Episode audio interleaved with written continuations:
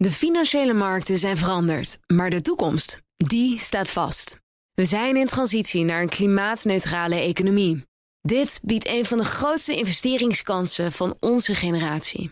Een kans voor u om mee te groeien met de klimaatoplossingen van morgen. Meer weten? Ga naar carbonequity.com. Carbon Equity. Do good by investing better.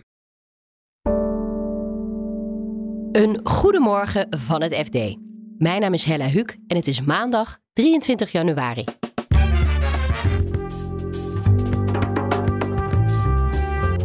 Defensie ziet liever geen chipmachines naar China gaan. Als China daar een te grote marktmacht in krijgt, dan kunnen ze natuurlijk ook zeggen naar het beste van jullie krijgen die chips niet meer. En 2022 eindigde voor Netflix beter dan verwacht. Het gaat nu veel meer om winst maken en om de kosten terugdringen dan om uh, heel veel nieuw investeren. Dus dat is ook wel wat Netflix een beetje gaat doen. Dit is de dagkoers van het FD. We beginnen met de chipmachines van ASML.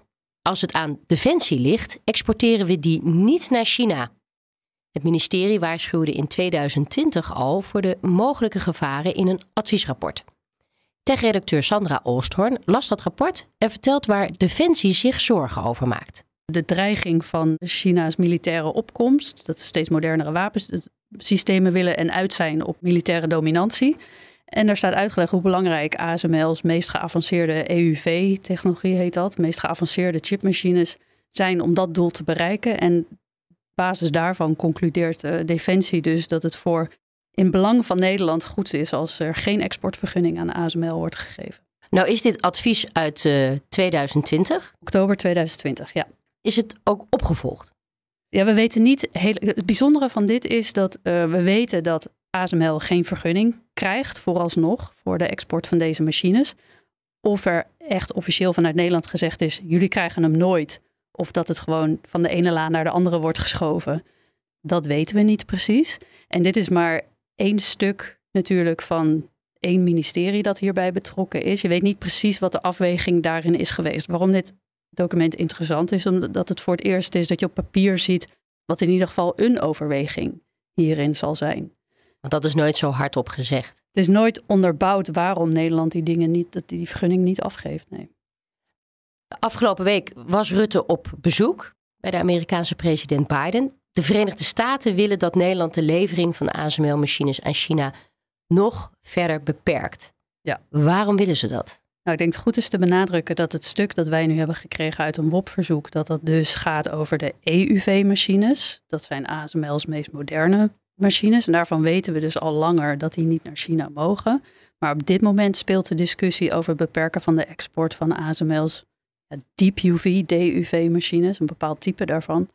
En dat zijn machines die al heel lang gewoon naar China gaan. Ja, gewone machines zijn. Ja, dat nog steeds heel doet ze helemaal. Doet ze, doet ze echt geen recht, want dat zijn alsnog hele bijzondere, bijzondere apparaten. Maar het is, ASML heeft niet als enige die technologie. Ze zijn wel echt veruit, veruit marktleider, volgens mij meer dan 90 procent. En het is absoluut bijzondere technologie, maar het is wel een andere categorie dan de EUV-machines.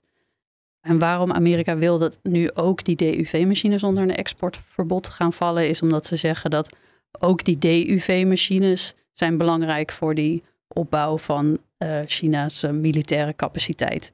Het veiligheidsargument kun je ook nog verder oprekken. Um, uh, met die DUV-machines kun je eenvoudiger chips maken.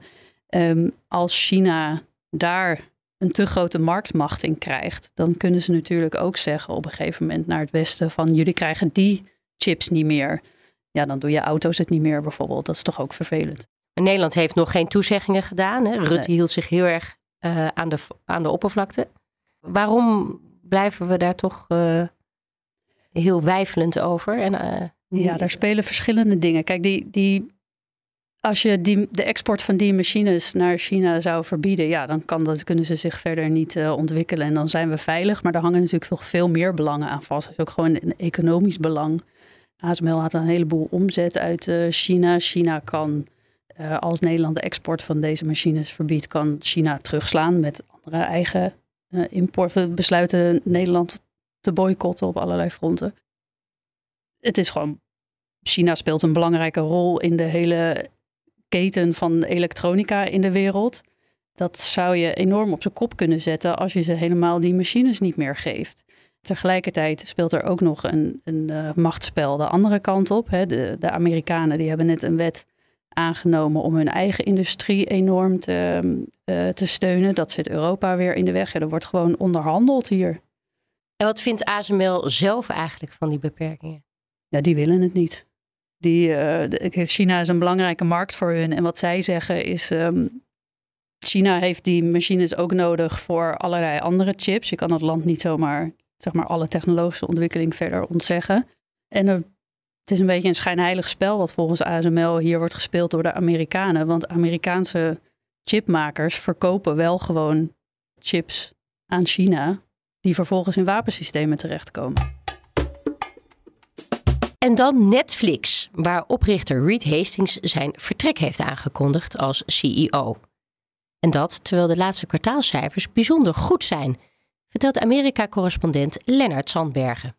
Eigenlijk valt vooral op dat er veel meer nieuwe abonnees bij zijn gekomen dan dat iedereen eigenlijk had verwacht. Uh, natuurlijk hebben al die streamdiensten een hoop concurrentie gekregen. Uh, Apple steekt er heel veel geld in, Amazon steekt er heel veel geld in, Disney steekt er heel veel geld in. Dus ja, analisten waren eigenlijk wel een beetje sceptisch over hoe goed het dan bij Netflix zou gaan. Maar ja, tegen eigenlijk alle verwachtingen in kwamen er in het vierde kwartaal maar liefst 7,7 miljoen abonnees bij. En uh, nou ja, dat uh, doet de beurskoers ook wel goed. Dus dat is wel, uh, ja, toch wel opvallend. Want een half jaar geleden vielen er nog ontslagen bij Netflix, om, omdat de groei tegenviel. En nu zijn er dus miljoenen abonnees bijgekomen. Hoe kan dat dan? Ja, klopt. Het is natuurlijk ook wel een behoorlijk volatiele business. Dus ja, het is gewoon heel erg bewegelijk altijd. En uh, consumenten zijn ook best wel bewegelijk. Ze hebben ook veel keus natuurlijk met al die verschillende streamdiensten die er tegenwoordig zijn. Maar ja, Netflix had gewoon een aantal hele succesvolle series. Dus de documentaire reeks Harry en Meghan over het Britse Koningshuis. Die heeft natuurlijk wel veel de tongen losgemaakt. Er is een opvolger van de serie Adams Family. Uh, Wednesday heet die. Die doet het ook heel erg goed. En uh, een film met Daniel Craig die Netflix zelf heeft uitgebracht. Die heet Glass Onion. Ja, dat zijn toch allemaal wel dingen waardoor heel veel uh, potentiële abonnees toch maar hebben besloten om een abonnement af te sluiten. En wat daar dan ook nog bij komt, is dat Netflix met een goedkoper abonnement is gekomen. En bij dat goedkope abonnement zit dan wel reclame, maar nou ja, hij is wel 30% goedkoper dan het op één na goedkoopste abonnement. Dus dat trekt toch ook wel aardig wat nieuwe kijkers aan. Ja, dus hele goede cijfers gepresenteerd. En nu stapt de oprichter, Hastings, op als CEO. Wat ja. heeft hij ja. betekend voor Netflix? Ja, hij is een van de oprichters van het bedrijf geweest. Het was vroeger, um, nou, dat is eigenlijk wel een bekend verhaal, maar het, is, het blijft altijd wel heel leuk. Uh, Netflix was eigenlijk niet meer dan een dienst die uh, videobanden opstuurde naar mensen. Uh, zodat mensen dan nou ja, lekker vanuit huis video's kon, konden huren zonder dat ze daarvoor naar een videotheek moesten. En nou ja, dat bedrijf is natuurlijk heel snel daarna uitgebouwd tot die streamdienst. En daarmee heel erg succesvol geworden. En dat heeft hij natuurlijk allemaal begeleid. Maar goed, hij is ondertussen 62. hij verwees zelf ook in een brief aan aandeelhouders naar Bill Gates bij Microsoft. Naar Jeff Bezos bij Amazon. Die hebben natuurlijk ook ervoor gekozen om een stapje terug te doen. En uh, nou ja, hij wil dat uh, nu ook wel doen om, het, ja, om toch ervoor te zorgen dat het bedrijf wat minder afhankelijk is van hem. Waar gaan zijn opvolgers op inzetten, denk je? Ja, eigenlijk toch wel. en dat past wel een beetje in, in waar de wereld nu ook een beetje naar kijkt. Het gaat nu veel meer om winst maken en om de kosten terugdringen dan om heel veel nieuw investeren. Dus dat is ook wel wat Netflix een beetje gaat doen. Dus wat Netflix zelf ook eh, aankondigt al is van, nou ja, er zijn nu 100 miljoen huishoudens waar accounts worden gedeeld. Ik denk dat iedereen dat ook wel herkent. Dat, nou ja, niemand heeft een Netflix-account alleen voor zichzelf. Iedereen deelt dat wachtwoord wel met een paar mensen. Maar goed, uh, Netflix zegt er zelf over van ja, dat zorgt ervoor dat wij minder kunnen investeren en Netflix minder kunnen verbeteren. En natuurlijk ook gewoon minder winst kunnen maken voor de aandeelhouders. En daar gaat het natuurlijk ook uiteindelijk om. Dus de opvolgers die zullen daar heel veel mee bezig zijn. En ook dat goedkopere abonnement met die reclames, dat uitbouwen is een, uh, is een grote nieuwe taak. Uh, dus eigenlijk gaan ze daarmee ook de concurrentie aan met Facebook en met Google als het gaat om adverteerders binnenhalen. En er komt ook een gameplatform met spelletjes die dan gebaseerd zijn op echte Netflix-series. Dus dan hoeven we nooit meer van Netflix weg. Ja, dat is natuurlijk wel de hoop. Het is, uh, Netflix zegt zelf ook dat een van de grootste concurrenten die het heeft is slaap. Het gaat hen er echt om, nou ja, eigenlijk de, de tijd die je voor je tv doorbrengt, uh, zoveel mogelijk te vergroten. En dat dan dus natuurlijk wel allemaal op Netflix. Dus uh, ja, ze zeggen zelf ook van naast slaap is dan een andere concurrent van ze is TikTok. Of mensen die veel gamen. En die hele markt is natuurlijk enorm en mensen steken daar enorm veel tijd en geld in. En Netflix denkt van ja, die mensen moeten dat gewoon allemaal lekker bij ons komen doen.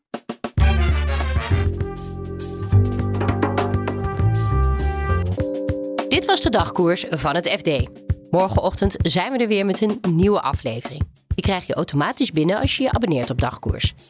En voor het laatste financieel-economisch nieuws volg je natuurlijk fd.nl. Voor nu een hele fijne dag en graag tot morgen.